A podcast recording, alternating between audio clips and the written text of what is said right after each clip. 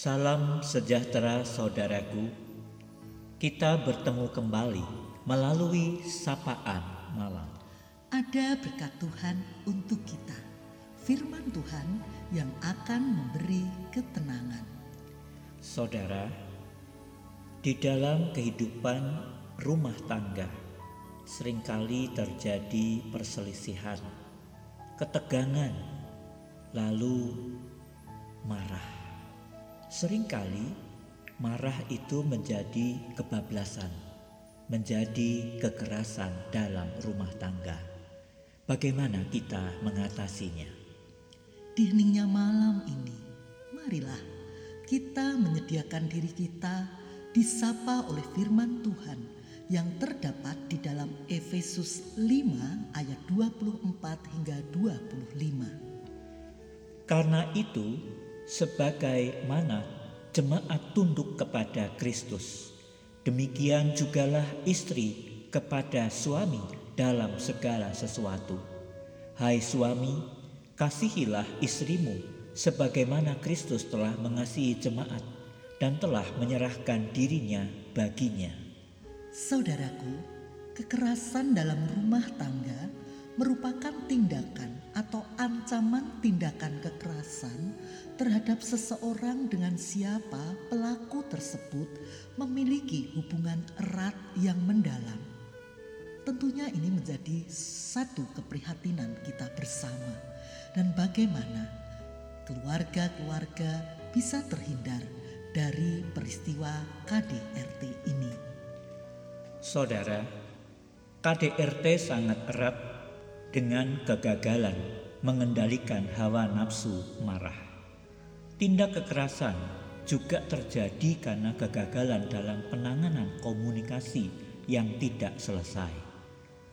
Setelah hati mendidih, ia tidak menemukan embun penyejuk yang menawarkan kedamaian. Di situlah biasanya KDRT terjadi. Penyebabnya karena komunikasi dengan kekerasan, komunikasi mengandung kata-kata dan tindakan yang menyakitkan pihak tertentu, baik dengan maksud bertahan, menolak, kritik, menyerang, menghakimi, sok tahu, dan reaktif. Kita perlu mengubah kebiasaan menghakimi dalam berkomunikasi. Kekerasan rumah tangga saat ini tidak hanya oleh suami terhadap istri atau orang tua terhadap anak, namun bisa juga sebaliknya. Kekerasan dalam rumah tangga akan menjauh jika kita hidup dalam bimbingan Tuhan. Melalui kesediaan dipimpin Tuhan, kita memiliki rem yang baik. Misalnya di Mazmur 127 ayat 3 mengingatkan, Anak-anak adalah milik pusaka daripada Tuhan dan buah kandungan adalah suatu upah. Allah mempercayakan anak-anak kepada para orang tua. Mereka harus dengan penuh kasih merawat dan mendidik anak-anak. Di kitab Kejadian, pernikahan digambarkan sebagai satu daging, saling membutuhkan. Dalam surat Efesus ini, Kristus adalah teladan dan pemimpin, pelayan, dan juga pelindung. Istri mesti tunduk yang artinya penuh hormat pada suami, seperti hormat jemaat kepada Kristus. Suami juga demikian terhadap istri, seperti Kristus mengasihi jemaat. Kata kasih suami pada istri digunakan kata agape, yakni kasih yang berkorban, merendahkan diri dan melayani tanpa pamrih. Pernikahan adalah gambaran Kristus dan gereja. Kekerasan dalam rumah tangga jauh dari karakter Kristus. Kekerasan dalam rumah tangga akan membuat Allah sedih. Allah menghendaki mereka yang terlibat dalam kekerasan dalam rumah tangga dipulihkan kembali. Mari kita renungkan bagaimana kita bisa dijauhkan dari KDRT. Jika berpotensi panas hati, undurkan diri kita, diam sejenak dan dapati embun penyejuk yaitu firman Tuhan atau perkataan Yesus sendiri. Dia akan mengubahkan kita agar tertanam rasa hormat, damai, dan cinta di hati.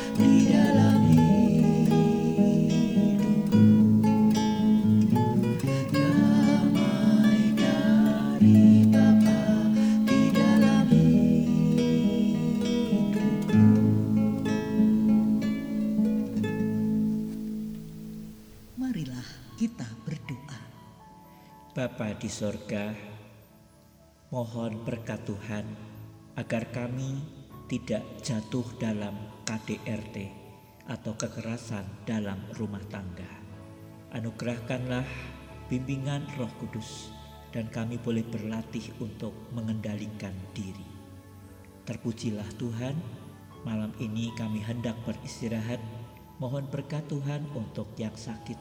Tuhan pulihkan mereka, berikanlah kesembuhan.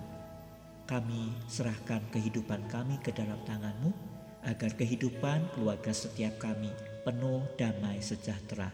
Di dalam nama Tuhan Yesus Kristus kami berdoa. Amin. Selamat malam saudaraku. Tuhan Yesus mengubah lirik-lirik yang salah menjadi sebuah simfoni yang indah. Selamat beristirahat. Tuhan Yesus memberkati.